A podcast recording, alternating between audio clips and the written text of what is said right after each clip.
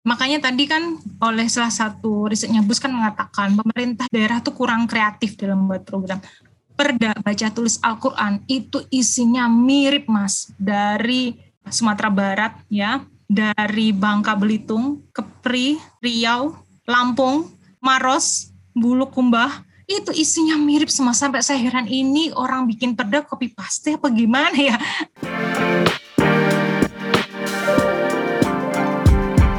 Hai sahabat TCID, kalian sedang mendengarkan podcast Suara Akademia. Ngobrol seru isu terkini bareng akademisi.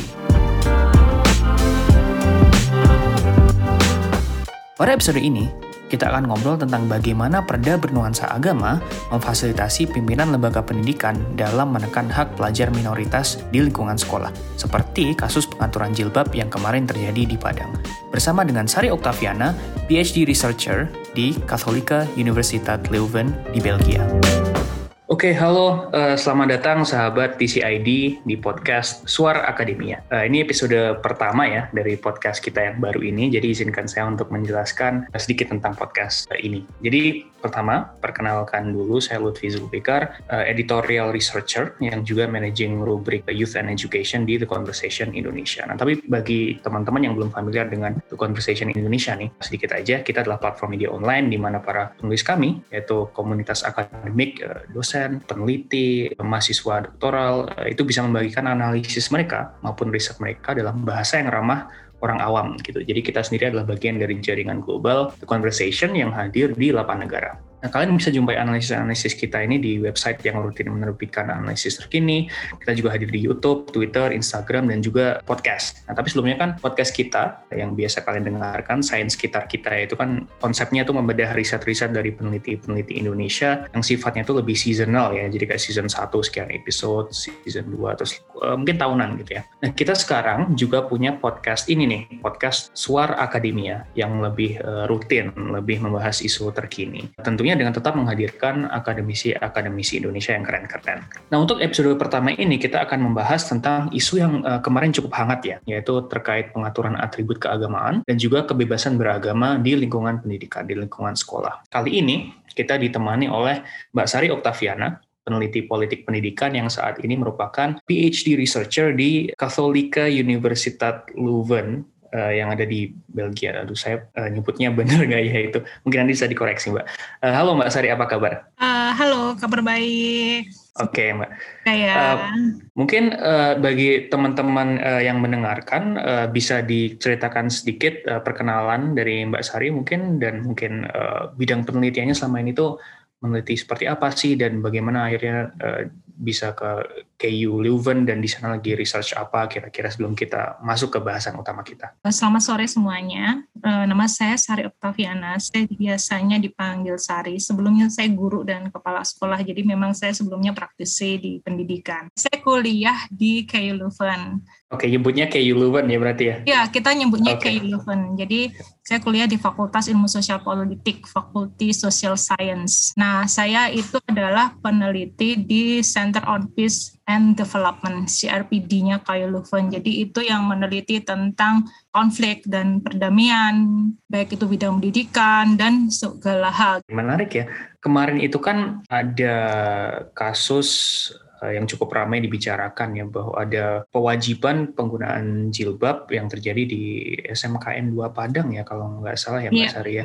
Yeah. Uh, dan uh, kemudian itu cukup ramai di uh, di media, di Twitter dan lain-lain. Beberapa saat kemudian Mbak Sari mengirimkan ide tulisan ke The Conversation Indonesia yang yang di mana saya cukup tertarik makanya kita olah jadi uh, tulisan gitu. By the way, teman-teman yang belum tahu, uh, Mbak Sari kemarin menuliskan artikel di The Conversation uh, tentang bagaimana perda yang bernuansa agama, perda yang mengatur agama itu berperan mengikis hak pelajar minoritas di sekolah yang hubungannya kemudian ada dengan ya. yang uh, kasus di Padang. Kasus pengaturan atribut keagamaan itu kan adalah problem yang uh, lama ya uh, pengaturannya di sekolah itu. Misal Mbak juga dalam artikel juga cerita bahwa ada dulu pernah terjadi di Jogja bahkan tidak necessarily selalu yang menimpa pelajar minoritas uh, eh, non muslim misalnya tapi kadang misalnya di Papua dulu juga pernah yeah. uh, terjadi gitu kan mungkin bisa diceritakan uh, akar permasalahannya ini seperti apa berdasarkan riset dan diskusi dengan rekan-rekan peneliti selama ini. Apakah kasus di Padang itu sesuai dengan pola selama ini yang terjadi atau ada hal yang baru dari kasus ini misalnya?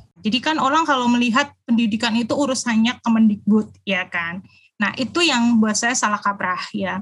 Kalau kita melihat uh, pendidikan ya, Kemendikbud itu uh, otoritasnya hanya di NSPK. NSPK itu norma, standar, lalu prosedur dan kriteria. Dia hanya bikin permen misalnya, dia bikin kurikulum, ya kan.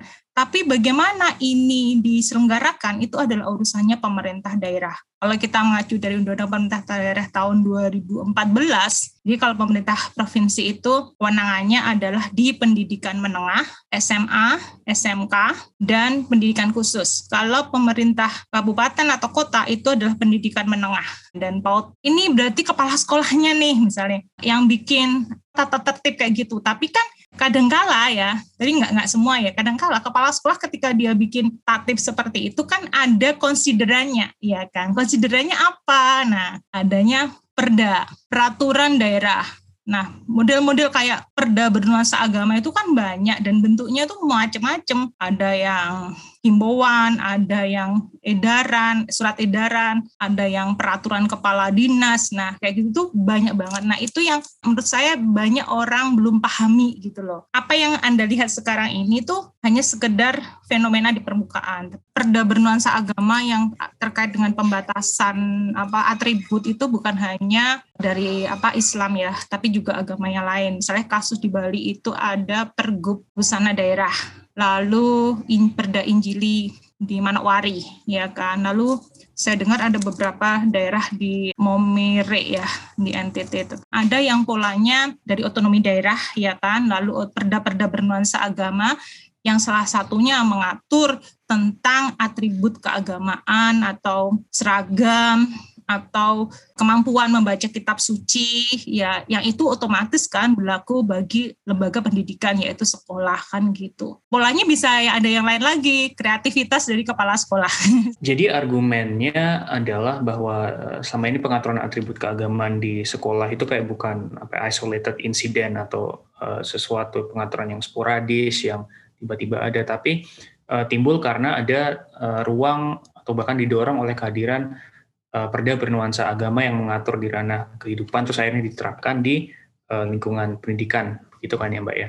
Iya. Um, tapi kenapa sih uh, kemudian penggunaan perda keagamaan ini di lingkungan mana pun termasuk di sekolah ya ini menjadi sangat uh, populer gitu. Bagaimana ceritanya kok bisa uh, sampai dimanfaatkan untuk mengatur sampai ke ranah sekolah dan pendidikan juga gitu? Mulainya dari memang pasca reformasi 98 ya. Itu salah satunya adalah desentralisasi otonomi daerah. Nah, di mana dalam otonomi daerah itu kan daerah punya keluasaan untuk mengatur daerahnya kecuali lima aspek atau enam aspek. Salah satunya adalah agama, justisi, moneter, pertahanan keamanan, dan hubungan luar negeri.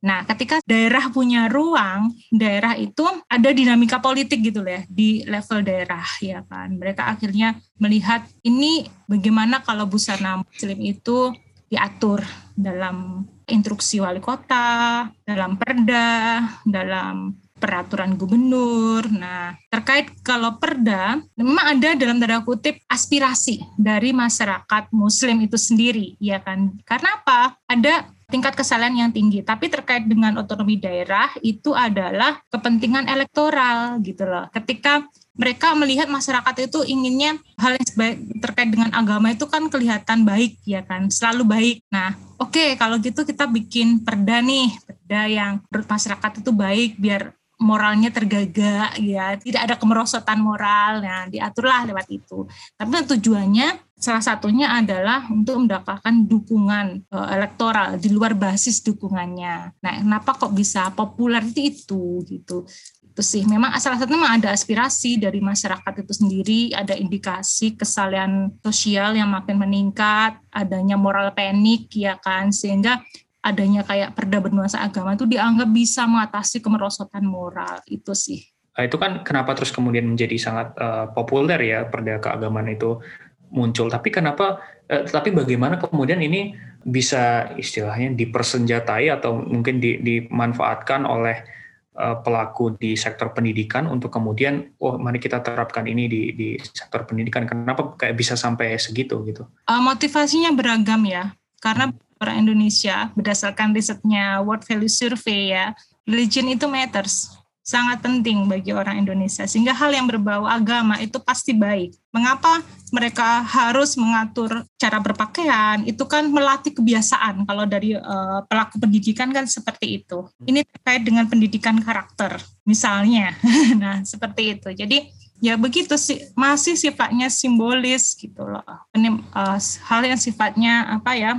Bisa dilihat gitu. Bagaimana sebuah kesalahan tuh di indikatornya dilihat dari cara berpakaian. Oke, jadi uh, mungkin saya bisa rekap kali ya Mbak. Jadi sejak masa reformasi kemudian diintrodus otonomi daerah berarti kan kemudian mulai muncul tren uh, bisa digunakannya perda keagamaan karena nanti menyesuaikan politik lokal dan bagaimana yeah. dinamika politik lebih lively di regional gitu kan di wilayah yeah. di lokal kemudian perda agama yang mengatur uh, dari di segala bidang uh, kehidupan. Kemudian tambah lagi dengan tren uh, politisi yang affiliated dengan partai nasional, kemudian ingin mengembangkan basisnya menggunakan mengembangkan basisnya di luar basis biasanya. Nah, perdagangan bisa jadi senjata yang ampuh untuk nambah masa lagi, kemudian semakin banyak perda keagamaan, terus akhirnya malah digunakan oleh uh, praktisi pendidikan dan kepala sekolah dan lainnya untuk menerapkannya juga di sektor pendidikan. Berarti kayak in a nutshell itu kan ya Mbak ya, yang terjadi ya, iya. ya berarti ya. Kemudian ini tidak hanya perda syariah aja kan ya Mbak yang yang tadi Mbak hmm. bilang bahwa ini bisa terjadi di, uh, untuk berbagai agama. Bisa diceritakan nggak misalnya yang selama ini juga ada pengaturan keagamaan bagi pelajar muslim di daerah yang mayoritasnya agama lain itu misalnya penekanannya seperti apa gitu. Jadi kayak pembaca bisa membayangkan jenis-jenis pengaturannya misal eh, dari berbagai agama dari berbagai wilayah itu karakternya gambarannya seperti apa aja sih Mbak praktek yang di lapangan selama ini? Kalau misalnya contohnya ya Perda Injili yang saya dengar di Manowari ya, itu kan ada kayak pembatasan, tapi itu kan masih jadi rumor ya. Ini perdanya gagal atau gimana. Tapi salah satu contoh lagi itu adalah pergub ya di Bali itu yang tentang busana adat. Ketika busana adat itu kan ada kriteria nih menampakkan rambutnya kan gitu kan. Nah, itu menjadi persoalan bagi yang kelompok muslim seperti itu. Tapi sayangnya ini riset yang cukup mendalam belum ada. Saya masih membaca dua artikel, itu pun masih artikel yang sifatnya nggak khusus hanya bagaimana sih uh, pergub itu dampaknya bagi yang muslim, tapi memang mereka merasakan adanya keberatan gitu terkait dengan pergub itu. Jadi ada pembatasan dalam tanda kutip bagi Muslim yang ingin pakai jilbab. Kurang lebih yang muncul di permukaan seperti itu, seperti yang disampaikan oleh Ombudsman ya, yang di kasus SD di Manowari itu. Oke. Perda keagamaan ini variasinya kalau nggak salah yang macam-macam ya, Mbak. Misalnya iya, kemarin betul. yang uh, apa namanya waktu kasus di Padang itu SMKN 2 itu uh, berdasarkan beberapa wawancara di berbagai media sumber perda keagamaan yang digunakan waktu itu adalah instruksi wali kota tahun iya. uh, eh, 2005 kalau nggak salah dan bahkan bisa peraturan uh, gubernur atau dan variasinya macam-macam bisa diceritakan nggak mbak? Ya itu variasinya macam-macam jadi tergantung dari kalau perda yang bikin kan legislatif ya. Iya. tetapi kalau kasus SMK kadang instruksi wali kota. Nah, beberapa daerah itu ada surat edaran, ada peraturan bupati. Biasanya surat edaran, peraturan bupati, sama instruksi wali kota dan perda. Itu aja sih varian-variannya. Kalau di level sekolah, surat keputusan kepala sekolah biasanya seperti itu. Oke, okay. uh, eh, nah, ada sesuatu yang saya sedikit bingung nih Mbak. Um, hmm. Jadi kan misalnya kepala sekolah ingin ingin membatasi atau mengatur atau melarang atau bagaimana yang mewajibkan dan seterusnya atribut keagamaan di lingkungan sekolah. Dia sudah ada basisnya, yaitu suatu perda bernuansa agama yang berlaku gitu kan. Kenapa sih kok ke, kok kemudian dia bisa oke okay, saya akan terapkan ini kemudian saya terapkan di sekolah saya yang misalnya itu adalah negeri gitu. Bukankah ada regulasi-regulasi uh, lain yang yang mengatur bahwa ini nggak bisa diwajibkan gitu loh kalau bukan agamanya atau uh, hierarkinya kalah dengan perda atau atau bagaimana gitu mungkin bagi yang teman-teman yang awam hukum bisa dijelaskan seperti itu. Jadi kan harusnya ketika kepala dinas pendidikan itu membuat aturan misalnya kalaupun surat edaran atau kepala sekolah bikin surat keputusan itu kan basisnya salah satunya adalah peraturan di atasnya. Misalnya kayak permen. Permen tentang seragam itu sudah ada sebenarnya. Nah, biasanya ya yang terjadi itu kan kalau di sekolah ya saya tapi belum berani ini benar-benar confirm kalau saya belum melihat sendiri. Tapi biasanya yang terjadi ya, nah, ini kebanyakan dari pengamatan saya itu adalah mungkin ada pembiaran dari pemerintah gitu loh, ya kan? Karena sekolah ini kan nggak mungkin dia memutuskan segala satu kalau komite sekolah itu nggak approve ya kan. Terus kan ada pengawas gitu. Jadi kayaknya ada pembiaran aja. Terus Kedua juga mereka itu nggak mewajibkan di aturan, tapi in praktek ya, misalnya kayak gitu. Uh, uh, jadi itu yang menarik di Indonesia itu begitu. Jadi di aturan misalnya dia nggak wajib, in praktek iya, di praktek kita menganjurkan loh, misalnya seperti itu. Oke, jadi dan dan dengan ada yang perda keagamaan itu mereka semakin punya justifikasi untuk iya, melakukannya ya, ya, gitu kan iya. berarti. Nah, jadi walaupun misalnya ada permen yang sudah jelas nggak boleh apa ya mewajibkan gitu ya, tapi kan bisa diakali. Apa sih yang nggak bisa diakali dan berarti misalnya gitu. Ya saya pernah tanya ke teman yang uh, anggota DPR, itu kok bisa ya kayak gitu? Itu gimana ini kepala sekolahnya dia kayak gitu. Jadi memang ya Kenapa kepala sekolah bikin kayak gitu? Kan mayoritas muridnya itu kan muslim ya. Kadangkala dia akan terima murid yang non muslim gitu loh. Kadang kurangnya kesadaran dari pembuat kebijakan bahwa dia bukan hanya akan me mengatur mayoritas gitu loh. Oke. Okay. Uh, eh, dan kemudian uh, beberapa saat setelah uh, kasus yang Padang itu terjadi, uh, terus menimbulkan polemik nasional ya, kemudian uh, muncul SKB uh, tiga menteri ya, yang waktu itu ditandatangani oleh Mas Nadiem, kemudian uh, Menteri Yakut di Kementerian Agama sama ya. di Kementerian Dalam Negeri kalau nggak salah ya. Iya, Kemendagri, ya, ya Kemendagri. Dan Kemen... Nah, uh, yang kemudian dengan definitif melarang gitu, oh nggak boleh lagi mengatur atribut uh, keagamaan apa pakaian jilbab bernuansa agama dan dan seterusnya di lingkungan pendidikan. Nah, tapi salah satu poin menarik yang Mbak Sari uh, ungkapkan di dalam artikel yang uh, kemarin terbit itu adalah bahwa this doesn't really solve the problem gitu kan karena walaupun ini dilarang misalnya pengaturan jilbab dan atribut keagamaan, tapi perda agama yang tadi sumber masalahnya ini memberikan ruang untuk pengaturan berbagai hal lain di luar atribut keagamaan. Kayak misalnya Mbak menyebutkan ada kewajiban baca tulis Al-Quran sebagai syarat kelulusan, kemudian harus ikut program pendidikan agama tertentu dan lain-lain. Itu berarti SKB ini tidak belum solve akar permasalahannya ya Mbak berarti? Menurut saya belum ya, itu masih sifatnya ad hoc, merespon sesuatu sekarang ini. Jadi itu mungkin bagian dari jawaban biar negara itu kelihatan hadir kali ya mungkin. Tapi memang akar masalahnya itu banyak gitu loh. Intinya kalau misalnya bagusnya yang saya suka dari maksudnya yang saya lihat itu udah ada uh, kemajuan ya progres itu Kemendagri ikut gitu loh. Karena kan selama ini Kemendagri kan kayaknya untuk urusan pendidikan itu kan jarang dilibatkan gitu. Sekolah roboh Kemendikbud. Itu bukan urusan Kemendikbud itu Kemendagri sungguh. Kayak gitu. Terus Kemenak juga dilibatkan. Jadi biar guru pendidikan agama itu juga ikut berperan. Mungkin seperti itu ya. Tapi kita lihat ya ini kan mas mereka memberikan waktu 30 hari ya ke sekolah kan. Kita lihat apakah secepat itu bisa selesai itu kan. Itu untuk bisa mengatasi. Tapi modelnya itu kan otoritatif ya bukan pendekatan yang kultural. Kalau pendekatan otoritatif itu berbasis sanksi gitu.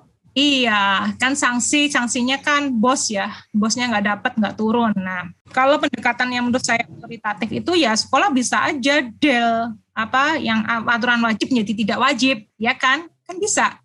Bilang aja ini pembiasaan gitu. Jadi buat saya memang ya belum mungkin pelan-pelan ya pemerintah. Tadi uh, seperti yang yang kita bahas Mbak bahwa mungkin SKB ini belum solving the problem dan ke depannya masih ada ruang urusan kebebasan agama diatur dan dibatasi melalui hal-hal di lain atribut keagamaan. Gitu kan tadi beberapa contoh sudah kita bahas. Dan bahkan di Padang juga yang sekarang mencuat itu kan yang yang pelarangan jilbab di SMKN 2 Padang ya yang basisnya adalah perda waktu itu instruksi wali kota tahun 2005 katanya. Yeah. Uh, tapi juga ternyata uh, tahun 2008 dulu lembaga studi dan advokasi masyarakat Elsam itu bahkan sudah gencar memperingatkan bahwa ada sumber-sumber lain juga bahwa ada instruksi wali kota itu yang mengatur jilbab. Terus ada juga beberapa perda lain yang mengatur waktu itu kewajiban baca tulis uh, Al-Quran bagi pelajar juga gitu. Jadi memang variasinya uh, cukup banyak ya Mbak yang tidak disolve oleh SKB uh, Menteri ini. Iya, jadi makanya tadi kan oleh salah satu risetnya Bus kan mengatakan pemerintah daerah tuh kurang kreatif dalam membuat program. Perda baca tulis Al-Quran itu isinya mirip mas dari Sumatera Barat ya, dari Bangka Belitung, Kepri, Riau, Lampung, Maros, Bulu Kumbah, itu isinya mirip semua sampai saya heran ini orang bikin perda copy paste apa gimana ya kayak gitu-gitu.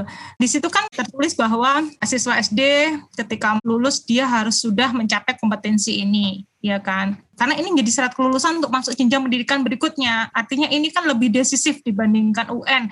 Padahal UN zamannya Anies kan sudah mulai tidak menentukan kelulusan. Nah, eh, terkait daerah-daerah tadi yang banyak ya, kalau misalnya kita membandingkan apa Aceh misalnya dengan negara itu kan nggak bisa kita bandingkan kan ya karena nggak bisa satu, kasus khusus. Iya kasus khusus ya Aceh itu.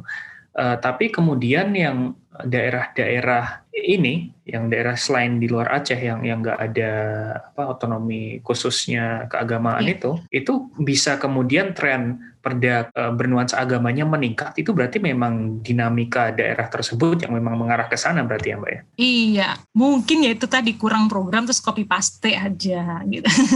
Tapi emang maksudnya uh, inklinasi politiknya atau mungkin uh, arah sosiopolitik tren keagamaannya emang berarti uh, di daerah-daerah tersebut itu uh, yang banyak ada perda perda keagamaannya itu berkorelasi dengan misalnya apa ya kayak suasana politik keagamaannya Islamic politics atau religious politicsnya meningkat di daerah sana yang bisa kasih beberapa simptom yang terjadi di lapangan nggak? Ada yang iya, ada yang enggak. Oh menarik ya. Nah, ya itu biasa di satu tadi kemungkinan copy paste ya. Kemungkinan memang ada itu tadi gerakan politik Islam yang kencang misalnya kayak kasus Bulukumba ya. Di Bulukumba itu kan ada KPPSI Komite Persiapan Penegakan Syariat Islam. Ya kan? Jadi mereka memang merancang perda-perda yang bernuansa agama in case untuk membuat masyarakat yang lebih Islami yang syariah. Nah seperti itu. Memang ada untuk beberapa daerah kan terkait dengan Eh, itu tadi gerakan politik itu cukup ada. Terutama kalau di Sulawesi Selatan yaitu Bulukumba ya di situ kan ada putranya Kahar Muzakar yang jadi ketua. Tentu minoritas ini yang yang terdampak oleh perda keagamaan kemudian yang diadaptasi ke lingkungan sekolah. Yeah. Minoritas ini tentunya tidak hanya berasal dari agama yang dalam tanda kutip didesignasikan yeah. sebagai resmi oleh pemerintah aja kan ya Mbak. Uh, yeah, ada betul. juga uh, misalnya bagaimana sih perda keagamaan selama ini itu juga digunakan untuk menekan hak pelajar yang menganut aliran kepercayaan misalnya. Berarti mereka kayak terdampaknya double-double berarti kan ya? Oh iya, mereka itu double-double. Jadi yang pertama pertama memang aliran ini ini, ini advokasi dari teman-teman yang memperjuangkan hak dari para penganut aliran kepercayaan ya itu memang luar biasa. Uh, dulu sebelum ada permen tentang aliran kepercayaan di sekolah, saya lupa permennya tahun berapa, 2017 atau 2000 uh, eh, berapa ya. Itu agama yang bisa diakomodasi sekolah itu hanya agama resmi ya kan. Jadi mereka apa mereka mau nggak mau untuk mendapatkan nilai pendidikan agama mereka tuh harus ikut salah satu ikut salah satu agama ya kan karena kan harus ada rapot. Ya kan harus nah rapot itu kan nanti juga akan menentukan anak ini lulus apa enggak. Ya kan gitu. Lalu banyak sekali advokasi yang dilakukan oleh teman-teman CRCS juga Wahid Institute juga ya kan. Lalu LKIS lalu satu nama ya kan. Perjuangkan agar anak-anak dari keluarga penghayat atau anak-anak dari aliran kepercayaan itu bisa mendapatkan akses pendidikan yang setidaknya mereka mendapatkan pengakuan ya, penerimaan ya, mereka bisa mendapatkan pelajaran agama yang sesuai ya kan. Karena mereka itu kan karena sangat sedikit ya cuma satu gitu ya. Kadang satu itu teman-temannya kan pasti tanya eh kamu kok kejauhan ya? Misalnya kan kamu kok Sunda Wiwitan ya? Kok kamu nggak milih yang mudah-mudah aja? Gitu kan. Karena kan hmm. banyak sekali ya akses aksesnya agak terbatas gitu loh kan. Itu tadi lebih pada penerimaan secara sosial, lalu uh, mereka mendapatkan pelajaran agama sesuai dengan agama mereka, buku dan lain-lain. Tapi ini sudah ada progres yang cukup baik dari Kemendikbud, walaupun permennya di level operasional itu masih uh, a big question ya. Ini gimana pelaksanaannya di lapangan. Jadi butuh banyak sekali advokasi dari masyarakat sipil ya yang mau memperjuangkan teman-teman minoritas untuk mendapatkan haknya selayaknya. Iya, mereka memang dulu waktu sebelum ada permen itu mereka milih salah satu kepaksanya karena pendidikan agama itu pelajaran yang wajib. Kalau nggak nggak ada nilai rapat pendidikan agama nggak bakal lulus itu anak. Mau nggak mau okay. kan Terus kemudian uh, sorry uh, mau klarifikasi mbak uh, permen terbit, kemudian uh, apa sistem pembelajarannya berarti gimana? Ada ada guru khusus untuk siswa tersebut, pelajar tersebut iya, berarti? Biasanya mencari itu kayak MLKI gitu loh. Si anak ini akan mencari sendiri gurunya. Dan ini sudah uh, mulai diterapkan di seluruh sekolah di Indonesia berarti ya? Kayaknya mulai ya. Uh, saya yang yang tahu kasus yang di Jogja. Oke. Okay. Jogja. Jadi itu advokasinya luar biasa dari teman-teman LG sampai kepala sekolahnya itu mau terima gitu loh. mau mengadakan pendidikan agama bagi aliran kepercayaan. Nah, tapi di daerah-daerah yang kental dengan perda bernuansa agama tersebut, bagaimana ini berdampak kepada pendidikan mereka berarti, Mbak? Nah, itu dia itu. Itu lebih sulit lagi ya itu. Oke, jadi eh, mungkin yang yang saya bayangkan itu kayak udah selama ini menerima uh, stigma sosial dari teman-teman yeah. maupun gurunya, kemudian yeah. uh, apa transisi ke yang apa penyediaan guru dan bahan belajar untuk yeah. apa, kepercayaan mereka juga menjadi terhambat atau apa gitu, terus ditambah lagi misalnya pengaturan atribut keagamaan, pengaturan kompetensi baca tulis kitab sucinya dipaksakan lagi, artinya semakin uh, sedikit ruang untuk uh, mereka bisa practicing kepercayaan mereka berarti ya mbak di daerah-daerah yang yang yeah, kental yeah, yeah. perdaka agama. Yeah. Oh, Oke. Okay. Yeah. Yeah. Mungkin ini pertanyaan uh, the big questionnya sih mbak apa terus yang harus dilakukan uh, ke depannya gitu. Maksudnya apakah tentu kalau misalnya otonomi daerah itu kan sebenarnya arahnya positif ya mbak apa uh, mendelegasi mendemokratisasi yeah. pemerintahan daerah. Cuman ini ruang yang dieksploitasi istilahnya kan kayak gitu. Terus uh, fixnya, obatnya itu seperti apa? Apakah ke hukumnya, ke, ke sistem pemerintahan daerahnya, atau advokasi lebih ke advokasi masyarakat atau ada reformasi di sistem pendidikannya atau solusinya seperti apa berarti? Ya pertama solusinya sistem pendidikannya lalu regulasinya paling penting itu adalah masyarakat sipil kalau menurut saya karena yang jadi penyeimbang itu adalah masyarakat sipil kalau mereka mau speak up berani minta tolong untuk advokasi minimal ini ya mengadukan ke ombudsman ya kayak seperti itu. Tapi yang yang paling penting bagi saya adalah masyarakat sipil. Saya percaya pada itu gitu ya. Ketika masyarakat sipil kemudian maksudnya gimana Mbak? Apa yang harus uh, mereka lakukan dan masyarakat sipil ini siapa dan apa yang harus dilakukan gitu? Masyarakat sipil memang NGO ya, mau melakukan kerja-kerja advokasi bagi masyarakat. Nah, kadangkala orang itu kan ketika mendapatkan ini ya, perlakuan yang diskriminatif itu kan kadangkala takut ya untuk bicara, iya kan? Hmm. Nah, seperti itu. Nah, mereka kadang nggak tahu ini harus ngomong ke siapa, ke mana, iya kan? Karena kan tidak mudah juga untuk speak up ya kan. Nah, jadi yang penting itu tadi kalau kita merasa hak kita terancam, kita mendapatkan perlakuan diskriminatif, kita harus berani untuk bicara, ya kan. Kita mencari teman atau teman dalam arti ini misalnya kayak kelompok-kelompok NGO. Kalau di Jogja misalnya saya concern dengan bisa misalnya kayak ini ya LBH gitu kan masyarakat sipil bisa kayak LBH nah atau enggak ke ombudsman mereka berani bicara jadi jadi uh, perlu sinergi ya mungkin kayak dari NGO tadi dari masyarakat secara umum orang tua misalnya ya. juga punya kekuatan kan apa komunitas guru dan uh, seterusnya juga uh, untuk mengawasi uh, misalnya proses pembuatan kebijakan di sekolah atau mungkin mengawasi supaya keagamaan yang problematik tidak diterapkan di sekolah dan memangkas hak kebebasan beragama pelajar minoritas. Berarti kurang lebih seperti itu ya Mbak. Cuman kalau misalnya di daerah yang perdaka agamanya nggak kental, saya bayangkan pengawasan ini bisa berjalan dengan eh, lancar ya. Tapi bagaimana melakukan pengawasan tersebut di daerah yang kental dengan uh, perda bernuansa agama? Artinya kan masyarakatnya juga sesuai iya. dengan iklim politik di sana berarti kan Mbak. Pengawasannya iya. lebih susah berarti atau gimana? Memang iya iya. Kayak kasus Padang itu memang saya ada teman yang yang NGO di sana ya. Dia memang mengadvokasi apa anak itu. Nah, itu memang lebih susah memang kalau untuk daerah-daerah yang kurang inklusif. apa masyarakat sipilnya kurang bisa menjadi penyeimbang. Tapi otonomi daerah itu salah satu akses eh, positifnya itu adalah ini dinamika masyarakat sipil yang cukup kuat juga loh. Misalnya seperti itu. Cuma ini sejauh mana mendominasi gitu minimal mereka berani speak up, minimal berani lapor ke ombudsman. Nah, itu sih.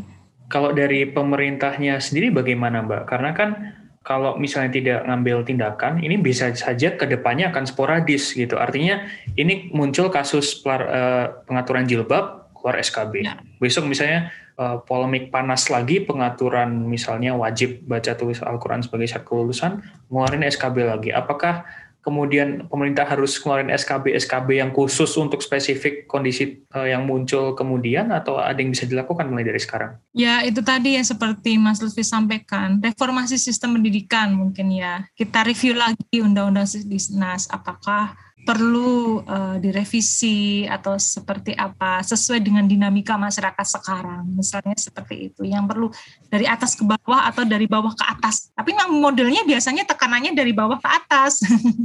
Gitu. Nah biar ini enggak ad hoc sifatnya ya kayak SKB itu kan modelnya kayak ad, saya lihat ya. Ya reformasi uh, cuma ya itu butuh kerja barengan banyak stakeholders terakhir sebelum saya tutup Mbak, um, okay. pesan apa yang ingin disampaikan misal ke tadi kan mungkin udah ke masyarakat tentang masyarakat sipil, pemerintah dan seterusnya. Kalau secara umum kalau ada pembaca, uh, sorry, pendeng, pembaca dan pendengar uh, podcast ini tentunya, adakah pesan terakhir yang ingin disampaikan oleh Mbak Sari? Kita yang jelas hidup di Indonesia itu kan kita hidup berdampingan dengan banyak banyak kepala banyak pandangan. Nah ada kalanya kebebasan kita kan dibatasi oleh kebebasan orang lain. Yang kadang-kala kita juga tidak bisa memaksakan pandangan keagamaan kita yang berlaku ke orang lain. Jadi ya salah satunya stepnya adalah langkah dari diri kita sendiri. Ya artinya kita kita lebih toleran aja sih. Ibaratnya kalau kita nggak mau disakiti oleh orang lain jangan menyakiti orang lain. Jadi toleran aja yang dimulai dari diri kita. Gitu sih. Kalau misalnya banyak hal yang kita nggak bisa lakukan kebijakan ini belum support ini belum apa tapi kita bisa mulai dari diri kita sendiri biasanya.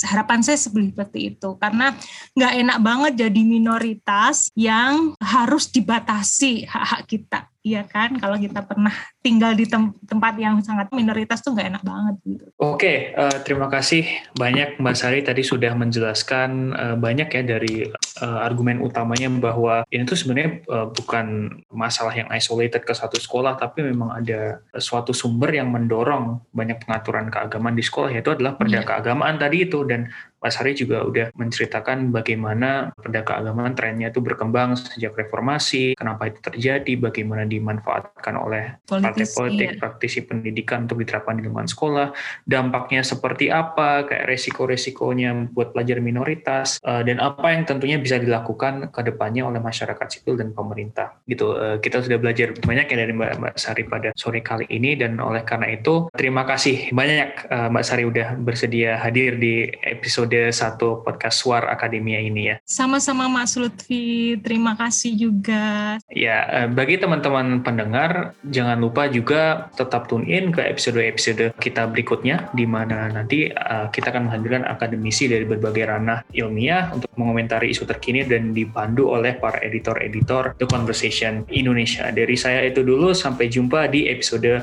berikutnya. Suara Akademia ngobrol seru isu terkini bareng akademisi.